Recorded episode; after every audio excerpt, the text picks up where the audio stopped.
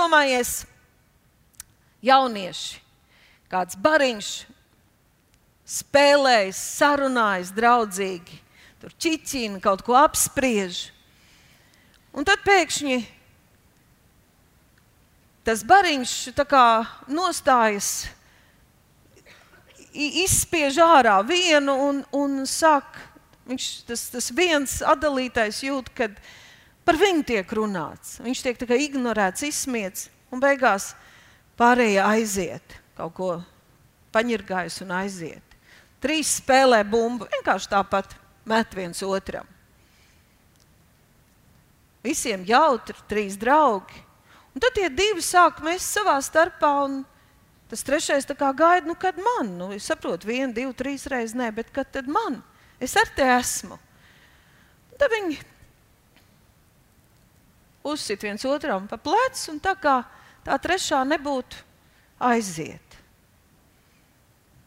Jāsadalās divās komandās, visa klase vai bariņš stāv, un divi komandu vadītāji sauc Edjāni, Pēteri, Andri. Un tur tu stāvi, un tur redz, paliek trīs, paliek divi, paliek viens. Un tev pat negrib saukt ne tas no pirmās grupas, ne no otrās grupas.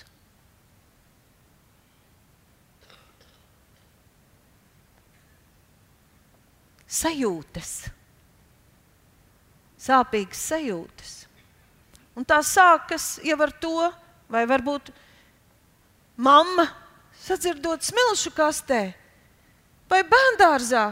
Mazais atnācis no bērngārza, saka, ar mani neviens negrib spēlēties. Vai smilšu kastē tavam bērnam pasaka, es ar tevi nespēlēšos, un uz, uzmet vēl smiltis un pagriež muguru. Un mammai pār muguru pāriet karstas, šaltas tā, It kā viņa pati nu pat, nu pat to būtu piedzīvojusi. Atraidījuma sajūtas, atraidījums. Tik sāpīgs, tik spilgts, tik pazīstams mums ikvienam visdažādākajos vecumos. To pazīst bērns jau bērngārzā, To pazīst bērns mājās, ka viņam jāsāk sacensties ar vecāku uzmanību, ar vecākajiem brāļiem un māsām, vai tieši otrādi ar jaunāko, kurš ir ienācis ģimenē un priekš. Tā vairs nav laika. Māsai ir brāli, ja kāds ir enerģiskāks un labāk mācās. Klasē liekas, ka ir atraidīts. Tad nāk pirmās iemīlēšanās, kur saņem atraidījumu. Tad mēs dzīvojam laikā, kad var izsmiet par Vienkārši, ja tev nav tādas botes vai nav tāds telefons, tev pagriež muguru, tu tiec izstumts, atraidīts. Laulībā var ļoti, ļoti viens otru sāpināt, ja no bērnības tu esi pieredzējis pagriezt muguru, nit, izrādīt nicinājumu, vienkārši ignorēt, atraidīt. Ja tu tā esi pieredzējis darīt, tev pat nav nojausmas, kādu triecienu, kādu pļauku, pat vēseli dabūt tas otrs cilvēks no kādiem ļoti neapdomīgiem, ļauniem vārdiem vai ar ļaunu rīcību. Varbūt tu šādu un tādu savā dzīvē to esi saņēmis, un tu vienkārši neko nedomājot, tā rīkojies pret otru. Tas turpinās un turpinās. Arī vecumā mēs runājam, vakar zelta fondā, kad vairs nav 18, ka vairs nav 30, tik daudz no cilvēkiem, kas ir pašā briedumā, man gribas teikt, kam ir tik daudz pieredzes, tik daudz pacietības, tik daudz gudrības. Viņi var justies negribēti, nevajadzīgi, ignorēti, nesvarīgi. Iemesli tur var būt ļoti daudz, bet pamatā man gribas teikt, visu, ko Dievs mīl, to vēlns ienīst. Un viņš darīs ļoti daudz un par visdažādākiem ceļiem un veidiem, lai iznīcinātu, lai sabojātu, lai degradētu. Pirmkārt, mani, tevi, tavu dvēseli, tavu labsajūtu, tavu brīvību, tavu spēju brīvam rīkoties, izvēlēties, sajusties. lai būtu tāds, kāds tieši tu esi un izdarīt tieši to, kas tev ir jādara. Visu, ko Dievs mīl, to vēlns ienīst un grib sebojāt. Un Dievs mīl tevi, patiešām mīl. Tad, kad mēs saņemam tādu pēkšņu noraidījumu, un mēs, kas cenšamies stāstīt par Jēzu un ar savām dzīvēm liecināt, ka Jēzus ir mūsu kungs, mēs ļoti labi pazīstam, ko nozīmē noraidījums. Mūsu bērni to ļoti labi pazīst, arī jau bērngārzā. Kad ejot tādā valsts bērngārzā, mūsu bērni nezina kaut kādas stulbas, diemžēl, kādreiz muļķīgas dziesmas. Viņi zina dziesmas par Jēzu, viņi zina dziesmas no mūzikas pārniem. Un viņi ar tādām naivām dvēselītēm aizgājuši savā grupiņā, dzied skaļi, tikko sāk skanēt mūzika. Zinu, mans Eliots, man meita atsūtīja vasarā, viņš vēl bija pavisam maziņš. Viņš kaut kur teltī bija izgājuši, un tur pie, pie jūras vairāk paliek pa nakti teltīs, un kaut kur skan mūzika. Viņš saka, un tur apkārt viss izgājuši cep šašliks. Un mazais Eliots, viņam vienalga, tur tiešām skan kaut kāds smagais metāls tur tālumā. Un viņš sāka repot, Jēzus, Jēzus, Jēzus! Un man meita saka, es ne, uz ātrumā nezinu, ko darīt. Man no, no mirkli pārņem kauns. man, man vajadzētu ap, apsaukt manu bērnu. Man vajadzētu, vai man viņu vajadzētu apstādināt? Pārējie sāk skatīties. Veikalā skan mūzika. Bērns tikko sadzird mūziku. Jēzus, Jēzus ir kungs. Halleluja! Tas kaut ko maksā. Ar kaut ko jāsaskaras. Mēs piedzīvojam atraidījumus, pusauģu skolās, bērni, jauniešu augstskolās. Kad cilvēki, kas jēļi, jēļi izvilkuši maģistru, māca psiholoģiju ar savu personīgo uzskatu, ar savu personīgo nepatiku pret Dievu, ar kaut kādu tradicionālo pieredzi, vienkārši izņirds Dievu, izņirds kristietību, izņirds dievišķās vērtības, un tu tur sēdi. Apliecinājis par Dievu. Visi zina, ka tu esi kristietis. Un tev tāds sajūta, ka katrs vārds, katra lekcija, visus tevīm skatās un ņirdz. Tu fanātiķis, tu aptaurētais, tu atpalikušais.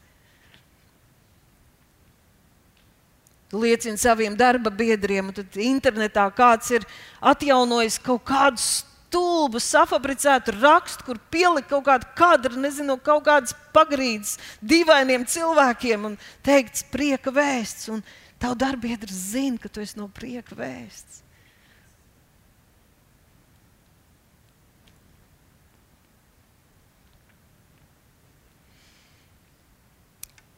Ko tas atnes? Un, kad tu piedzīvo tādas aizvainojums un atraidījums, kas notiek cilvēkā, kādas sekas tas paliek, cik ilgi mēs tajā maļamies un ļaujam tam mūs ēst un graut un iznīcināt un atdalīt no citiem. 2003. gadā ir veikts pētījums, kur pierādīts, tāds interesants pētījums, ka emocionālās sāpes ir uh, daudz spēcīgāks par fiziskām sāpēm. Bet viņas pat ir tā kā emocionālās sāpes, skar arī fiziskās sāpes.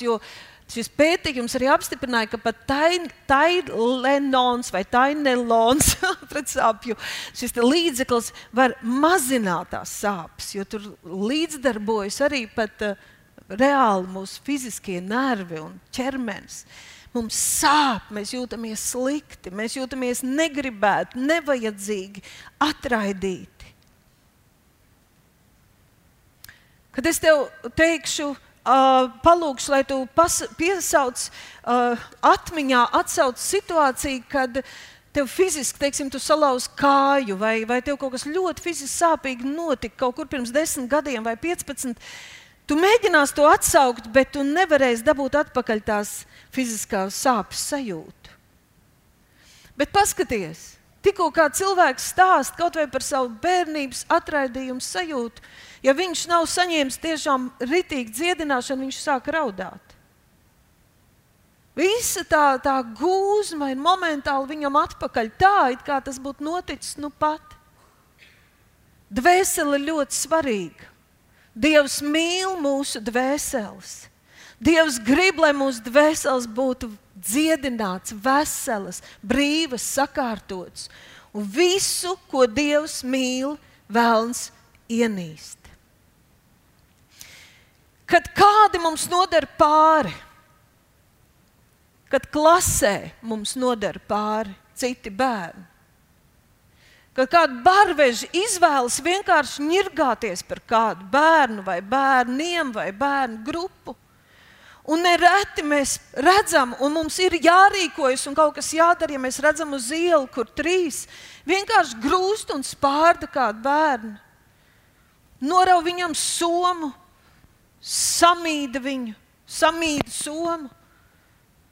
Meita man ir vedusi puisīti uz mājām, kur viņš stāv pie pietura ziemā bez kurtkas.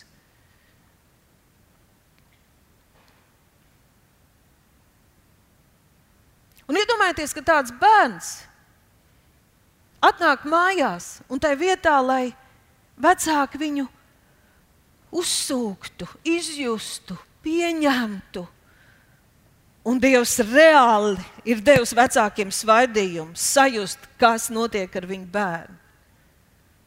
Vienkārši sāk rāt.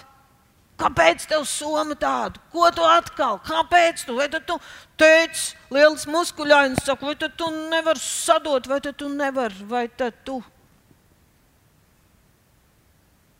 Bērnam nav kur palikt ar sevi.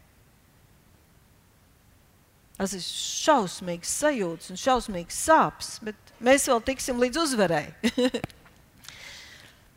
Taču tad, kad mēs kaut ko tādu piedzīvojam, mūs pārņem bezspēcība, naids, dusmas, un mēs gribam pārdarītājiem atriepties. Un te ir tādas divas lielas grupas, mēs varam iedalīt. Pirmie, kas vēršas pret sevi iekšā, viņi slāņ sevi, vaino sevi ka tev atsaka romantiskajās attiecībās, ka tev pamet draugi. Tu, es esmu slikts, es esmu vainīgs, es esmu tāds, es esmu tāds. Es, man ir jālabojas, man ir jākļūst tādam, man ir jādabū vairāk naudas, man ir jāuzskačājas, man ir jā, jāapģērbs, man ir jāsaved sev kārtībā, man kaut kas ir jādara, esmu slikts. Bet tā galējā moka forma ir, ir suicīds, pašnāvība. Vienkārši, un pusauģi to ļoti bieži izdara arī Latvijā. Neredz, neredz izēju no, šīs, no tā bezcerīgā, bezspēcības stāvokļa.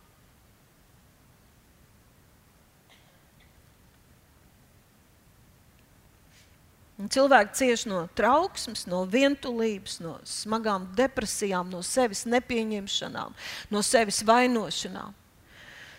Otra grupa ir agresija pret visiem, pret citiem. Bērns, kurš ir ciets, viņš ies mājās, viņš būs agresīvs. Agresīvs pret vecākiem, pret vecākiem. Viņam ir kaut kur tās dusmas, tās sāpes jāizgāž. Un jāsaka, daudz labāk, ja viņš to gāž ārā. Tikai vecākiem tas būtu jāsaprot. 2001. gadā viens no vadošajiem ASV ķirurgiem konstatēja, ka noraidījums ir lielākais riska faktors pusauģu vardarbībai. Tas ir daudz lielāks nekā narkotikas, nabadzība un dalība bandās. Neskaitām pētījumi pierādījuši, ka pat viegli atraidījumi liek cilvēkiem kļūt agresīviem, naidīgiem pret apkārt esošajiem apšaudas skolās, vardarbība pret sievietēm, atlaist darbinieku kļūšanu par nevaldāmiem agresoriem. Kādā ASV skolā tas tikai viens no gadījumiem, mēs tos dzirdam nepārtraukti. Bērni sarīkoja asinsspirti. Kas tie tādi bija? Tie tie outsideri. Viņi jutās atraidīti, nesaprasti, neatzīti. Un viņos bija uzkrājies milzīgs aizvainojums jo nepat, ne, nebija apmierināta viņa vajadzība būt pieņemtiem, būt grupā, būt savējiem. Mīļie, es ļoti labi zinu, mēs visi to zinām. Ir ļoti, ļoti grūti būt atraidītam, nepieņemtam, nesaprastam. Taisnība. Mums, mūsos iekšā ir, man gribas teikt, nenormāla vajadzība. Ļoti pamatot un spēcīga vajadzība būt pieņemtam, būt saprastam būt savējam. Taisnība. Dievs mūs tāds ir radījis. Dievs mūs tāds ir radījis. Un ja mūsos nav tas stiprais pieņemšanas pamats, tad vēlns ar šo atraidījumu, ar bailēm no atraidījuma, var ņirgāties par cilvēku, var kontrolēt cilvēkus un var manipulēt ar cilvēkiem. Lai mēs nebūtu tādi, kādi mums ir jābūt, un lai mēs neizdarītu to, kas mums ir jāizdara. Un mēs esam gatavi uz daudz visādām muļķībām un iet pret savu sirdsapziņu, lai tikai mūs pieņemtu lai mūsu kādas grupas Tur, kur mēs ikdienā esam, kāds autoritāts uzskatīt par savējiem. Nevienam nav noslēpums, kad šai pēdējā laikā, un kopš es dzīvoju, tas ļoti strauji visu laiku pavairojas. Mēs esam palikuši ļoti sensitīvi, tāds mo moderns vārds, emocionāli labili bezgalīgi trausli emocijās, pārjūtīgi, viegli ievainojami. Kāpēc? Jo mēs esam nolikuši sevi centrā. Līdz apsmieklam sarunājoties ar cilvēkiem, nāk ārā no cilvēkiem bailes, kā es izskatīšos, kā es, Kā, ko par mani padomās? Kā man novērtēs, vai es patikšu, vai man izdosies?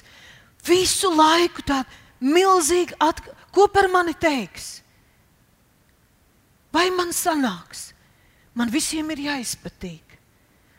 Man gribas mieru, man gribas, lai, lai, lai man pieņem, man gribas, lai man saprot. Ja nē, es labāk paslēpšos, es būšu kā visi. Pielāgojamies, izliekamies, izpatīkam, darām visu un nedaram to, ko gribam. Tas noteikti arī ir iemesls, kāpēc neceļas pēdējā laikā vairs liela valsts vīri, politiķi, zinātnieki. Bet kad pār visiem valda šī te, šīs bailes sacelties,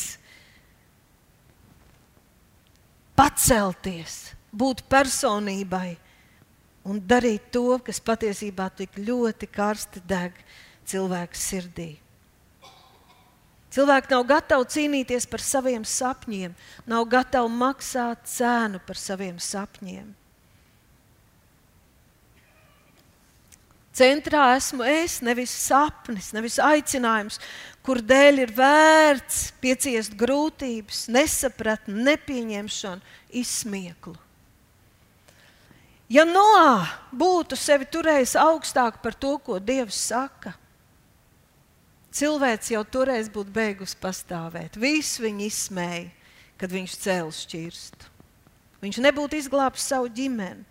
Ja Lācis toreiz nebūtu izvedis savu ģimeni no Sodomas un Gomoras, uztraucoties par to, ko teiks kaimiņi par tik muļķīgu rīcību, tas sēru lietas būtu nolījis arī par viņiem viņš būtu zaudējis sevi un iznīcinājis visu.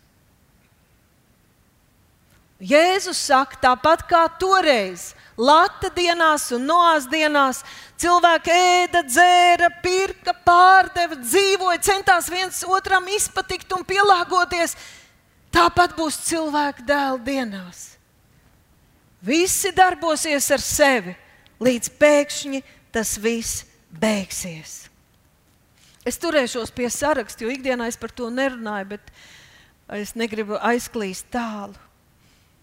Mūsu senči samaksāja dārgu cenu par savām dzīvībām, ar savām dzīvībām un labklājību, par iespējām un brīvībām, kuras šodien mēs baudām un no kurām ar tik vieglu roku esam gatavi atteikties, lai tikai mēs būtu pieņemti. Mākslā, politikā, mūzikā, ekonomikā, medicīnā, izglītībā, cilvēktiesībās, tiesībās uz dzīvību, uz cieņu. Par visām šīm tiesībām, ja mēs atceramies vēsturi, kādi maksāja ar savu dzīvību. Jānis Huss sadedzināts uz sārta 46 gadu vecumā, Mārtiņš Luters, Mārtiņš Luters Kings. Visi ebreji, vēstulē 11. nodaļā minētie varoņi, visi asins liecinieki, neskaitāmie pulki. Viņi maksāja cenu, viņi gāja pret kopējiem uzskatiem, viņi nebaidījās no nepieņemšanas, no nesapratnes. Lai atnāktu izglītība, medicīna, tiesības, kas dod mums brīvību, uzplaukums. Ko šodien darītu Mozus, Daniels, Jāzeps, Pāvils, Pēters, Abrahams Linkolns, Mikelāņģelo, Mocerts, Bahs, Edisons, Ņūtons? Visi ārsti, zinātnieki, politiķi, kurus sasniegumus mēs tagad baudām, ja viņi būtu rēķinājušies ar visiem, centušies visiem izpatikt un baidījušies no atraidījuma. Viņi tāpat izjūta bailes, tāpat bija noguruši. Tas pats ap pus gadus tur kaut kur nomaļā parkā gulēja uz sola. Tikai pēc nāves pārsvarā mēs atzīstam visus tos varoņu darbus un baudam tos augļus.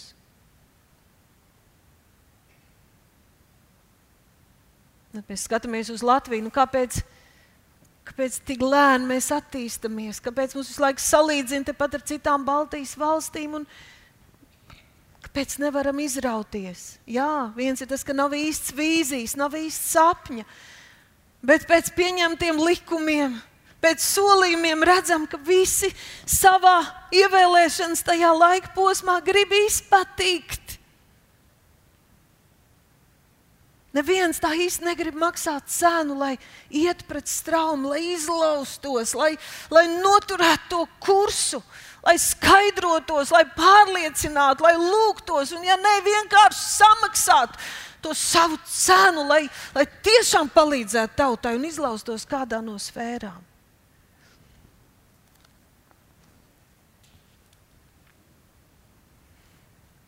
Mēs tiešām mēs līdz šķabumam tādā merkantīlā vidē dzīvojam šobrīd. Viss tiek rēķināts, cik ienes, kas tev ir, kāds, kāds tu esi, cik tas maksā, cik tu vari atļauties, kas tev pieder. Paskatīsimies tādu mazu video, ko mēs sievietēm skatījāmies. Nebija laiks meklēt ko jaunu. Maza meitenīte var saprast, kāpēc Pāvils saka, ka mūsdienās būs grūtāk. Tā ir tikai viena maza sfēriņa no tās pasaules, no tās vides, no tā pieprasījuma, no piedāvājuma, no tā, ar ko mūsdienu cilvēkam ir jāsacenšas, jākļūst savējam, jā, tik ļoti gribas būt pieņemtam, būt tur tajā līmenī kā visi. Un tā sociālā vide, tā nereālā, nerealitāte, kur mēs sievietes skatījāmies, lai uzņemtu skaistu bildi, ko pēc tam miljonu laiko cilvēks pavada astoņas stundas fotografējoties. Bet parādīt, kā es tur netīšām guļu pludmalē. Tas vēl viss tiek apstrādāts, un jaunieši izkāruši mēlis. Man ar to vajag. Es esmu slikts, es esmu šāds, es esmu tāds. Filozofa Maija Kūle saka, Eiropā nu jau vēsturisko materiālismu ir pārvarējis histēriskais relativisms, bet cilvēki no tā nogurst, tiem gribas kādu stabilitāti. Eiropas sociālās un kultūras identitātes pamatos ir kristietība, no kuras Eiropieši pakāpeniski novēršas. Kristietībā ir lielas vērtības. Tās pašas cilvēka tiesības būtībā sakņojas kristīgajā cieņā pret cilvēka personu. Eiropas racionalitāte nomāca tās garīgumu. Un te vietā jautājums, cik racionāla ir racionalitāte bez garīguma? Un atbilde - racionalitāte bez garīguma nav nekas. Lai atnāktu izmaiņas, lai atnāktu kaut kādas izmaiņas, lai izlaustos, lai izrautos, ir jāceļas paudzei ir jāceļas cilvēkiem, ir jāceļas sabiedrībai, tev un man. Kam kaut kas cits ir centrā, kam mērķis, kam dzīves jēga, kam dzīves aicinājums ir svarīgāks par sevi pašu. Kam nav tik svarīgi, lai viss tevi pieņemtu un saprastu.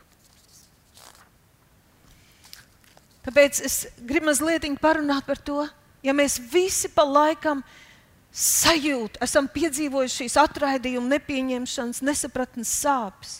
Protams, ka to piedzīvo tuvinieki, kas stāv par saviem mīļajiem, kas liecina.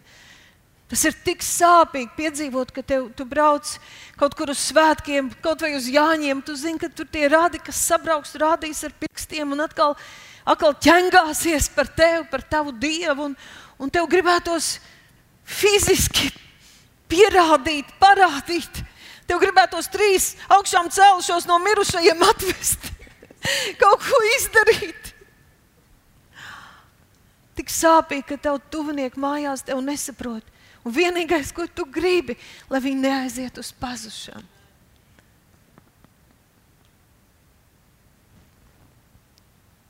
Kā uzvarēt šīs atraidījuma sāpes. Un ir tikai viens veids, pilnīgs veids. U, atraidījumu var uzvarēt tikai pilnīga pieņemšana. Pilnīga, perfekta, beznas nosacījuma pieņemšana. Savādāk var viņa aplipināt, apārstēt, kaut ko tur palīdzēt. Protams, ka mēs šo pieņemšanu meklējam cilvēkos, un šeit mums liekas, ka esam atraduši to, kurš mūs pieņems tādu, kādi mēs esam. Un tad kaut kas notiek, un tad kaut kas notiek, un tad ir laika trūkums, un tad ir kādas situācijas, un tās pašas vecās sāpes, kam pat nav nekas kopīgs ar šo cilvēku un šīm situācijām vai šiem draugiem atver visas vecās slūžas, un tu esi turpat zemē, vecajā situācijā. Tev likās, ka tik daudz naudas iztērēji, lai sevi uzceltu. Bet vēsele raud, un dvēseles rētas struto. Kurš var dziedināt? Kurš ir tas pilnīgais, perfektais? kurš var sadziedēt mūsu dvēseles, kurš var padarīt mūs par stiprām, drošām, brīvām, neatkarīgām, laimīgām personībām. Mēs viņu zinām.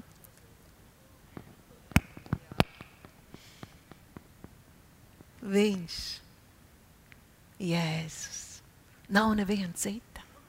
Arī priekš tā, kurš ir izvēlējies pagaidām neticēt Dievam, lai gan Dievs viņu aicina. Arī priekš tā nav neviena cita, jo Dievs mūs ir radījis, Viņš mūs ir radījis tādu, ka mēs, tad, kad mēs apķeramies Viņam apkārt, pieņemam Viņa mīlestību, ik viens cilvēks atgūstas tā kā pužļa gabaliņš ieņem savu vietu kopējā ainā.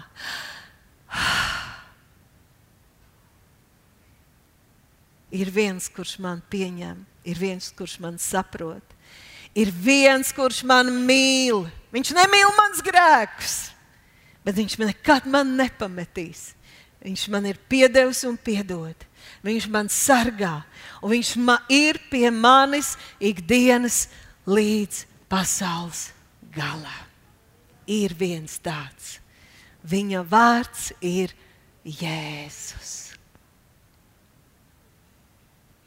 Ir tik svarīgi pieņemt šo viņa mīlestību.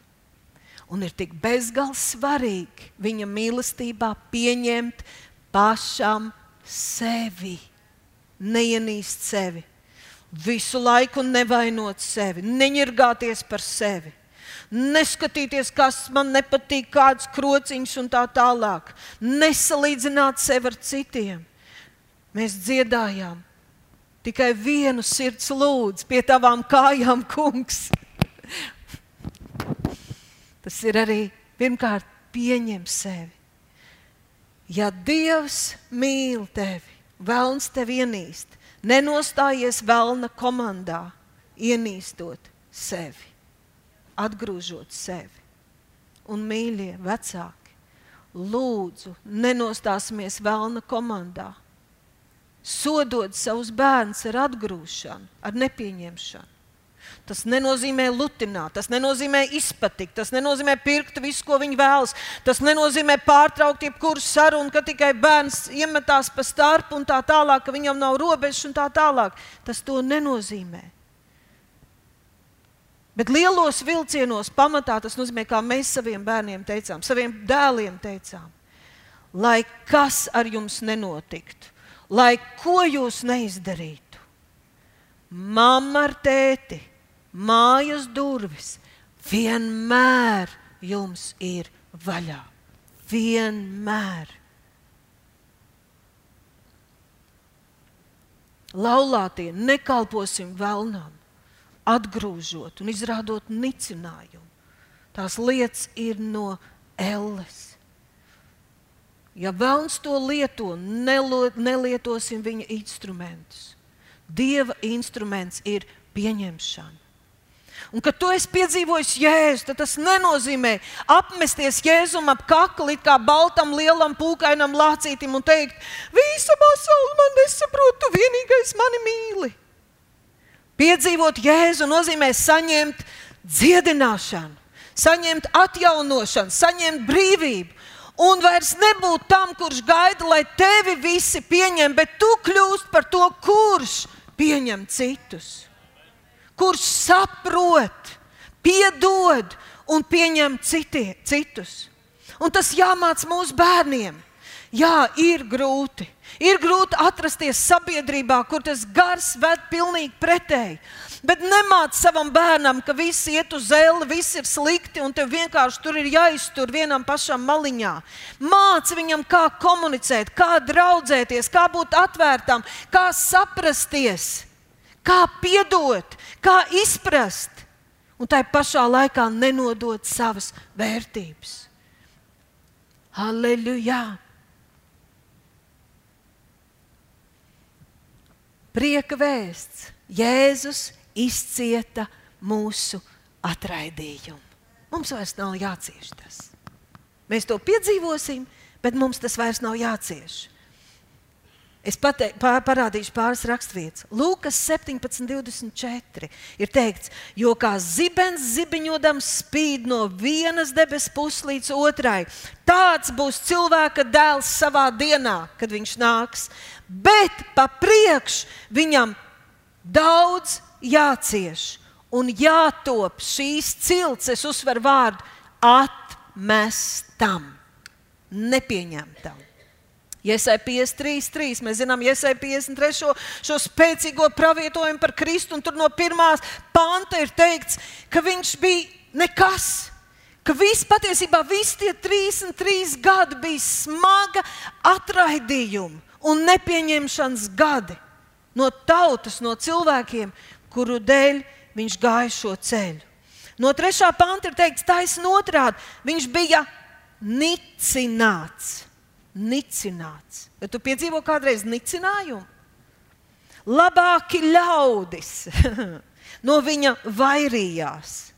Vīrs, kam nebija svešas sāpes, un kas bija uzmanība norūdīts ciešanās. Norūdīts ciešanās.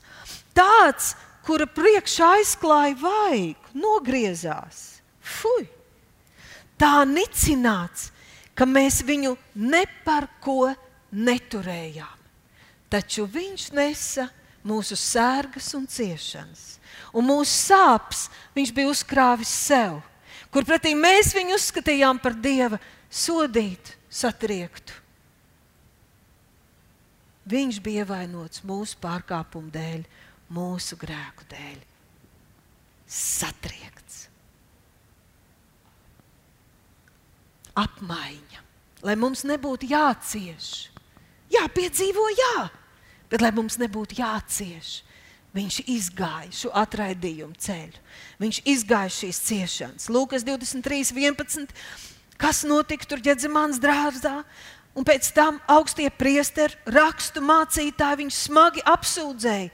Herods ar visu pilsēmu viņu nicināja, apmēdīja, citur teikts, izsmēja, spļāva uz viņu. Apvilkuši tam krāšņu tērpu, sūtīja atpakaļ pie Pilāta, un tajā dienā pilots, Pilāts un Herods kļuva draugi, līdz tam viņi bija ienaidnieki. Vēršanās pret Jēzu savienoja divus ienaidniekus un viņu frakcijas. Jāņa 1,3 ir teikt, caur viņu viss ir radies, un bez viņa nekas nav radies, kas ir. Viņā bija dzīvība, dzīvība bija cilvēka gaisma, gaisma spīdēja tumsībā, tumsa to neuzņēma. Viņš bija pasaulē, pasaules ar viņu radusies, pasaule viņu nepazina. Viņš nāca pie savējiem, savējie viņu neuzņēma. Nav neviens cilvēks uz pasaules nekad bijis un vairs nekad nebūs, kas savā dzīves laikā tik daudz būtu piedzīvojis atraidījumu, nicinājumu, nepieņemšanu, atgrūšanu un izsmieklu, kā Jēzus, Dieva dēls. Ir teikts, ka arī mēs bijām tā grēcīgā pasaule. Arī mēs kliedzām, sit viņu krustā! Mēs viņu ienīstam. Mūsu grēcīgā daba, ja mēs neliekam viņu pie vietas, ienīst Jēzu, ienīst svētumu, nespēja paklausīt Dievam. Gars no ēles ļoti viegli mums var piekļūt, ar sajūtām, ar stulbām informācijām un tā tālāk. Jēzus tajā laikā izgāja šo ceļu, nomira par mums, lai mums nebūtu jācieš šīs sāpes ir kāds, kurš var dziedināt mūsu dvēseles. Dziedināt arī no tām sekām, ko atnes tādi pārdzīvojumi. Jo tik ļoti Dievs pasauli mīlēja, jo tik ļoti, ļoti Dievs tevi un mani mīlēja, ka Viņš deva savu vienīgo dēlu. Dievs savu mīlestību uz mums pierāda ar to, ka Kristus pār mums mīra, kad mēs vēl bijām grēcinieki. Mēs gājām pret viņu, viņš mīra par mums. Katrs, ko tēvs man dod, ja es saku, nāk pie manis, kas nāk pie manis, to es tiešām neatstāšu. Psihologs saka, ka lai bērns, lai personība izaugtu ar veselīgu pašapziņu, ir svarīgi, ka viņš aug vidē, kur pret viņu izrāda cieņu, ka viņu ciena. Un tad es domāju, vai ir kāds, kurš vairāk ciena cilvēku kā Dievs? Mūsu ciena nepārtraukti. Cilvēks saka, ka ir jāizrāda novērtējums, pieņemšana, lai cilvēks attīstītos un izaugtu par jauku, veselīgu personību. Un tad es domāju, vai kāds vairāk spēj pieņemt, kā mūs ir pieņēmis Dievs, kā mūs saprot Dievs. Tikai jautājums, kas mums ir svarīgāk? Dieva pieņemšana vai cilvēka pieņemšana? Kas mūs ietekmē vairāk? Ko mēs piedzīvojam vairāk? Ui. Nobeidzot, es iedošu sešus punktus, ko darīt, lai praktiski uzvarētu šo atraidījumu sajūtu, lai saņemtu dziedināšanu savai dvēselē. Un pirmais ir pieņem un baudi Dieva mīlestību. Pieņem sev, gāram, dvēselē un miesai, peldies tajā! Skaties spogulī un stāsti visas 144 apsolījumus, kas ir teikts par tevi. Cik tu esi īpašs, cik tu esi dārgs, cik ļoti Dievs tevi mīl, cik tu viņam esi svarīgs. Un baudi šo Dieva mīlestību un dod šo Dieva mīlestību atpakaļ Dievam un cilvēkiem. Tu neesi no šīs pasaules. Tu esi nodalīts, atšķirts Dievam, mīlulis, viņa īpašums. Otrais - milzīga atklāsme. Tava dzīves jēga un tavs dzīves uzdevums nav visiem izpatikt. Tavs dzīves uzdevums nav, lai visi tevi pieņem. Tas nav iespējams. Tā drīzāk ir tāda zem lāsta dzīve kontrolēta dzīve, nebrīva, saistīta dzīve. Jo vairāk es esmu atkarīgs no Dieva, jo brīvāk esmu attiecībās ar cilvēkiem. Neko man nevar iedot un atņemt. Kad tu esi Dieva gribā, tu vari saņemt no Dieva un dot cilvēkiem mīlestību, atdošanu, žēlastību.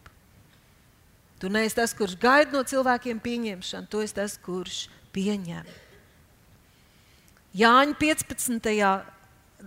Evaņ, nodaļā, 18. pāns. Paskatieties, ko Jēzus saka. Kad pasaule jūs ienīst, un te ir runa par pasaules garu, par to sistēmu, kurā mēs dzīvojam, ziniet, ka mani pa priekšu viņi ir ienīdusi. Ja jūs būtu no pasaules, pasaule mīlētu tos, kas viņai pieder. Bet tā kā jūs neesat no pasaules, bet es jūs esmu izredzējis no pasaules, pasaule jūs ienīst. Tur tālāk teica, ja es nebūtu nācis un viņiem to teicis, viņiem nebūtu grēka, bet tagad viņiem nav ar ko aizbildināties. Es došu svēto garu, viņš pārliecinās par grēku, taisnību un tiesu, bet arī jūs dosit liecību. Ir kaut kāds uzdevums, kaut kāda misija, ka tu esi gaisma, tu esi zemes sāls, tu rādi uz Jēzu, tu stāsti par viņa mīlestību, tu liecini, tu rūpējies, tu mīli cilvēkus, tu gribi viņiem pastāstīt labo vēsti. Un viņiem ir tiesības pieņemt vai atraidīt. Un tas nedrīkst ietekmēt tavu labsajūtu. Trešais punkts, vēl labāks Atzīst, ka tu neesi pasaules naba. Tu neesi visuma centrs. Nomierinies! Nomierinies un atslābsti. Jāņa 12, 24 ir teikts, patiesi, patiesi es jums saku, ja grauds, ja kviešu grauds nekrīt zemē un nemirst. Jāņa 12, 24 ja kviešu grauds nekrīt zemē, nevis uz augšu, bet zemē, un nemirst, viņš nevar nest augļus. Bet, ja viņš mirst, mirst sev, mirst sev. Es neesmu centrā, es neesmu tik svarīgs. Ir kaut kas svarīgāks. Es paslēpjos Jēzu. Ja viņš mirst sev, viņš nesīs daudz augļus. Kas savu dzīvību tur mīļu? Tam tā zudīs. Bet kas savu dzīvību šī pasaulē ienīst, vai tā kā esmu sekundārs, tas to paglabās mūžīgai dzīvībai. Ja kāds man grib kalpot, lai viņš seko man, jo kur es esmu, tur būs arī mans kalps. Un ja kāds man kalpo, to mans tēvs cels godā. Pie šā vai nav tā, ka tev gadās kaut kāda situācija, teiksim, var redzēt, kādreiz pat bērns. Viņam kaut kas uzlīst sabiedriskā vietā. Viņš ir beidzot aizgājis ciemos ar, ar ģimeni, un tur ir citas, un mamma ir nobrīdinājusi, uzvedies kārtīgi un, un, un, un, un klusi un tā. Un, un, un teiksim, nu, meitenī, teicamniecīts sindromiņš ir tāds mazs, un, un viņa, viņa sēdēs pie lielā galda, ne, nevis tur pie bērniem, un tagad ēdīs dakšiņu un nazīti un visu. Un, un viņa tagad ņem to glāzīti, un viņai tā glāzīti apgāžas un izlīst ūdens. Tu esi redzējis, kā bērns pārdzīvo? Viss dzīve viņai ir sagruvusi. Viņa raud, viņa vairs neko nespēja, viņa vairs neko negrib, viņa jūtas tik pazemot. Viņai liekas, ka visi, Visi, kas pie tā lielā galda skatās un šausminās, kā viņi tā varēja. Krekā pat nemāku ūdens glāzi noturēt. Un mums daudziem ļoti bieži ir tā sajūta, ja kāds mūs atgrūž, ja kaut kas notiek, tad visi to redz. Visi skatās, visi par to vien domā. Teiksim, kaut vai tev tur izņemšu ārā to Oskaru. Izsmēja, izsmēja tevi, vai kaut kas tur notika, tu tā, ne tā pateici. Vai, un tagad visi par to vien runā. Mājās runā, bērniem stāsta, skatās televizoru, bet runā par tevi, un raksta grāmatas par tevi, un ziņas par tevi, par to, kā tu tur. Bet padomā tu pats, ka tu kaut ko tādu redzi. Ka tu redzi, ka tas bērns izlaiž ūdeni. Vai ka tu redz, ka kaut kas un tā ir liela atklāsme, realitāte. Katram pietiek savu problēmu. Un tā viena maza informācija, un nāk jau nākamās informācijas gūzmas. Un neviens par tevi nedomā, un neviens tevi neatcerās. Vismaz ne tik daudz un tik ilgi, kā tu pats, ja tu sev nepiedod. Un otrā lieta Iedomājies, ka tieši tai, tādā situācijā, kā tu būtu tavs labākais draugs. Un viņam tā notiek, un viņš tagad pārdzīvo. Padomā, kā tu viņu mierinātu? Ko tu viņam teikt? Kā tu viņu stiprinātu? Tad aizēj pie spoguļa un kārtīgi stiprini sevi. Jo pirmkārt tev ir jāparūpējas par sevi. Tas bija trešais padoms. Zem tā, ka tu neesi dzīve pasaules naba. Vēl trīs. Ceturtais. Apzināti trenē savas trauslās, dvēseles, vārgo atraidījuma muskulīti. Mēs zinām, kā trenēt fizisko ķermeni, bet dvēseli tieši tāpat var trenēt. Uz pacietību, uz izturību, spēja piedot. Visas dieva rakstura īpašības, kas ietverts vārdā mīlestība, mīlestība kā sajūtas, kad tauriņi lido. Ir tikai maza, maza, maza daļa, tās ir tikai emocijas, tikai sajūtas. Viss mīlestības spektrs sastāv no darbības vārdiem. Piedot, draudzēties, saprast, būt žēlsirdīgam, būt laipnam. Tie visi ir darbības vārdi.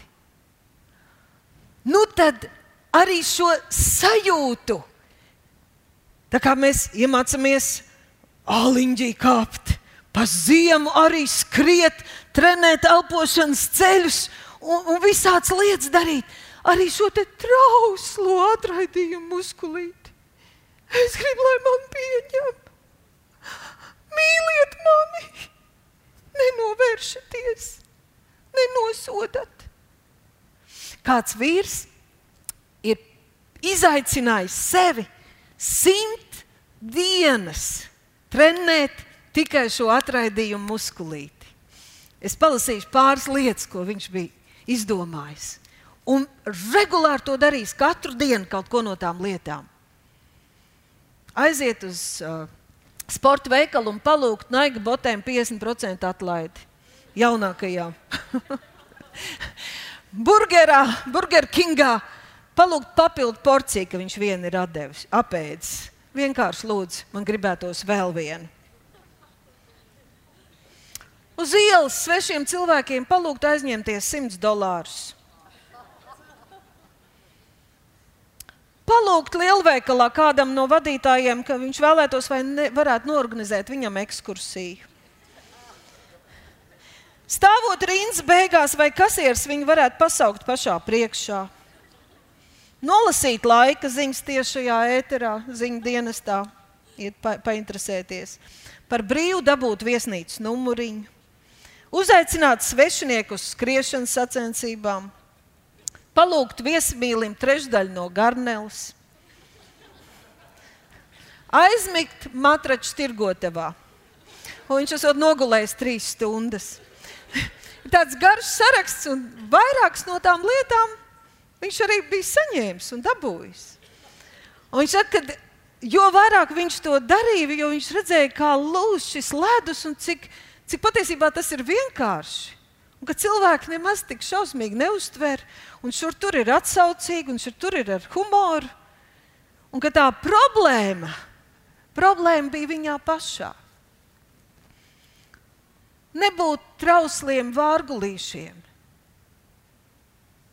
būt pieņemtiem un mācīties pieņemt Šīs sāpīgās pieredzes, tā ir otrā puse, tā dara mūs stiprus, emocionāli dziļus, stabilus, par vērtīgākiem cilvēkiem, attīsta spēcīgu empātiju. Man bērni noteikti tam ir piemērs. Es nobeidzot gribētu, nu, uz beigām ejot, gribētu minēt tik, savu meitiņu, viņa arī sievietēm dalījās ar to. Kā tas ir, ka tu arī kristīgā skolā, citu vecāku un bērnu klātbūtnē, ka tevi nosauc par resno, gan tu tik ļoti baidies no šī vārda, tik paniski baidies. Un beidzot, pēkšņi tas atskan. Tur, kur vecāki gaida savus bērnus, kāds no klases biedriem skaļi. Un visiem ir skaidrs, kurš tiek nosaukts, kāda vesels saraujās. Kādu zīmogu vēlams grib uzlikt personībai, sevis redzēšanai, visu turpmāko dzīvi, kādas sekas tas grib izsaukt. Kā mācoties Hānas vidusskolā, gadās, ka kāds slavens cilvēka bērns tā necieš kristietību un tā uzēdās uz manu meitu, ka viņa tiek durstīta un izsmieta un ķengāta gandrīz katrā stundā. Viņa saka, paklausīt, bija tās lūkšanas, ka tas cilvēks vienkārši neiedradās skolā. Un tad, kad viņš aizgāja no skolas pēdējā klasē, es varēju uzelpot. Viņa saka, bet pēc tam, jā, man bija draugs, un bija kas man saprata, un tā. Bet vēl joprojām, nu jau pēc tik daudz gadiem, ir meitenes, nu jau sievietes, precējušās ar bērniem, kas atrod man sociālos tīklos un saka, Es apbrīnoju tevi, ka tu vēl joprojām tici Dievam. Es sekoju tev līdzi, es skatos tavu dzīvi. Un tad viņi kaut ko saka par tām sajūtām, par to, kā viņi toreiz bija, kāpēc viņas neaizstāvēja, kas tur toreiz notika. Kaut kā cena tika maksāta, bet Kitija saka, es kļuvu dēļ tā tikai stiprāka. Un tā kā es viņu centos atrunāt, ka viņai pirmais, otrais bērniņš piedzimst un vēl ir pavisam maziņš, Un es saku, tev taču vēl ir skola, tev ir ģimene, tev ir jādara tas. Un tu vēl taisa mūzikas pārnos, meties palīgā Ketijai un komandai un gribi darīt. Es saku, nu šogad tu vari nedarīt. Viņi saka, nē, tāpēc, ka es saprotu tos bērnus. Es jūtu tos bērnus. Man gribas viņiem palīdzēt. Empātija, sapratne, tā ir tāda vērtība, tāda bagātība. Pēc nevajag žēlot, bet vajag saņemt dziedināšanu. Vajag parūpēties, lai mūsu bērniem mums pašiem būtu stiprs pamats, lai mēs zinām, pie kā griezties, un kuram atdot savas sāpes un saņemt atdošanu, lai varētu būt tādiem, kādiem mums ir jābūt un izdarīt to, kas mums ir jāizdara. Tas piektais ir.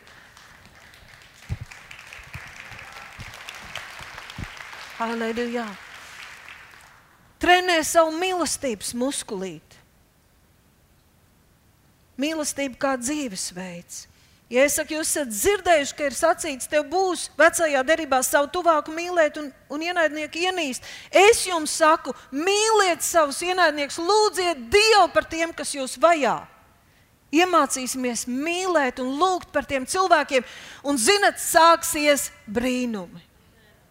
Es to piedzīvoju, kad studēju. Un nepārtraukti, tikko tu iesaisti Dievu tajās situācijās, lūdz Dieva aizsardzību un lūdz un svētī tos cilvēkus, kas tev grib nodarīt pāri, sākas brīnumi. Jo ir sfēras, kur cilvēki nevar ielausties, nevar neko izdarīt un nevar arī atnest palīdzību bez Dieva. Un ir tik labi, ka Dievs ienāk un palīdz un glābi un pagodina savu bērnu.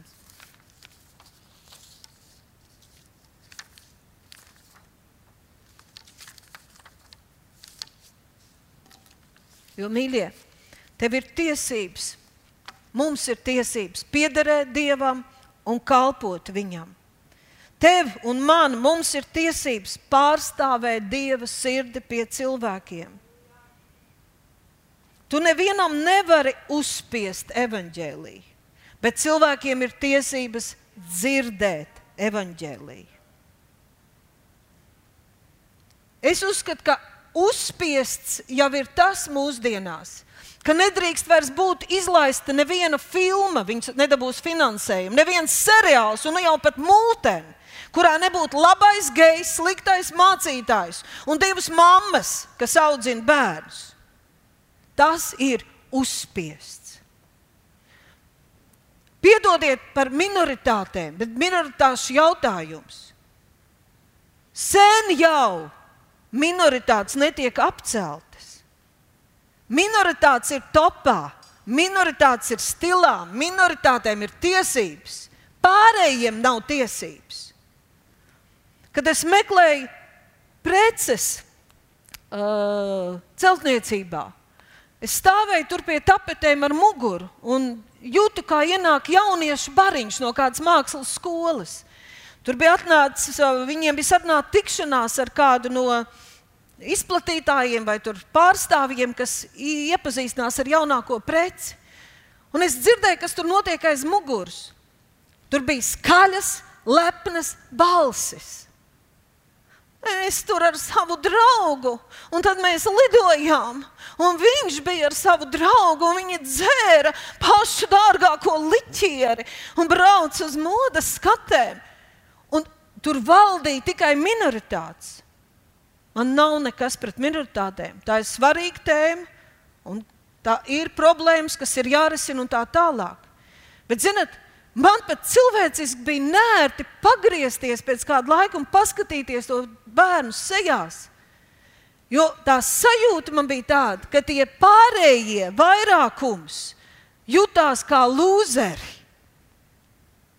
kā nepareizie, kā atpalikušie. Tāpēc, ka viņi nav minoritāte bet viņi nedzer labāko liķieru un nebrauc uz modes skatēm. Divi puiši kopā. Mums pieradina tā kā vardi siltā pienā pie lietām, ka mums sāk palikt kauns stāvēt par tām vērtībām, par ko cilvēki devuši savas dzīvības. Un paceļas jautājums šad un tad Vai latvieši un krievi ies atkal aizstāvēt savu zemi pretī tankiem, vai atkal ies stāvēt domu laukumā un tur spriedelē? Bet ir kāds svarīgāks jautājums, ko jautā tie asinsliecinieki, ko jautā tie politiķi un valsts vīri, tās sievietes un vīri, kas cīnījās par sieviešu tiesībām, par vārda brīvību, par cieņas brīvību. Maksāja smagu cenu. Vai, vai kāds ies cīnīties un pastāvēs un cīnīsies par šīm garīgajām, ētiskajām vērtībām? Vai tik viegli šai gadsimtā mēs vienkārši tās atdodam? Tāpēc, ka baidamies būt atgrūsti un nesaprasti.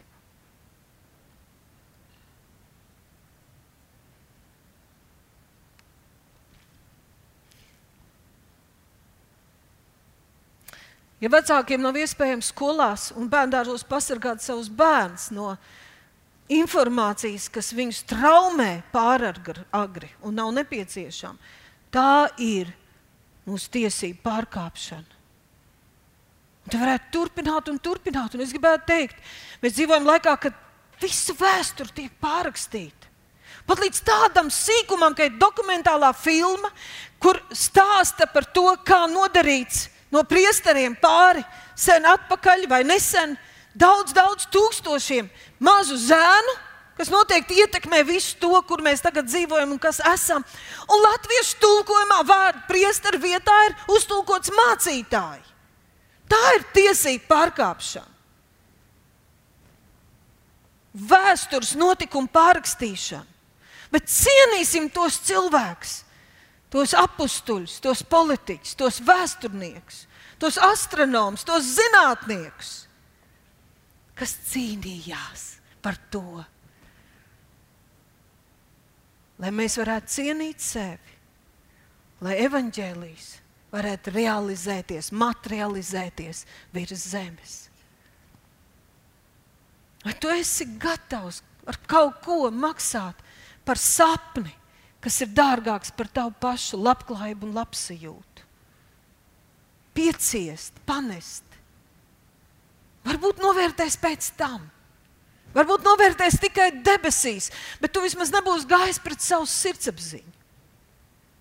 Tu būsi cilvēks, kas es vērtējis, vērtības un neliecies katra priekšā, kā Daniels toreiz, nokļūdams gan uguns ceplī, gan lauvu bedrē.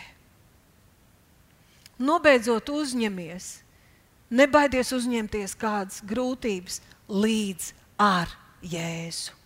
Romiešiem 8. nodaļa, 16. pāns. Šis pats gars apliecina mūsu garam, ka esam Dieva bērni. Ja nu esam bērni, tad arī mantinieki, Dieva mantinieki un Kristus līdzmantinieki. Uzmanību, jo tiešām, ja līdz ar viņu ciešam, ja kopā ar viņu par kaut ko ciešām, tad kopā arī tiksim pagodināti. Nav iespējams tev izlikties, it kā tu nebūtu kristietis un nodzīvot svaidīt kristiešu dzīvi. 18. pantā Pāvils saka, es domāju, ka šī laika ciešanas ir nenozīmīgas. Salīdzinot ar nākamo godību. Cits tulkojums saka, es domāju, ka ciešanas, grūtības, kuras piedzīvojam tagad, nekādā mērā nevar salīdzināt ar to godību, ko mēs piedzīvojam jau šeit un piedzīvosim tad, kad viss būs beidzies.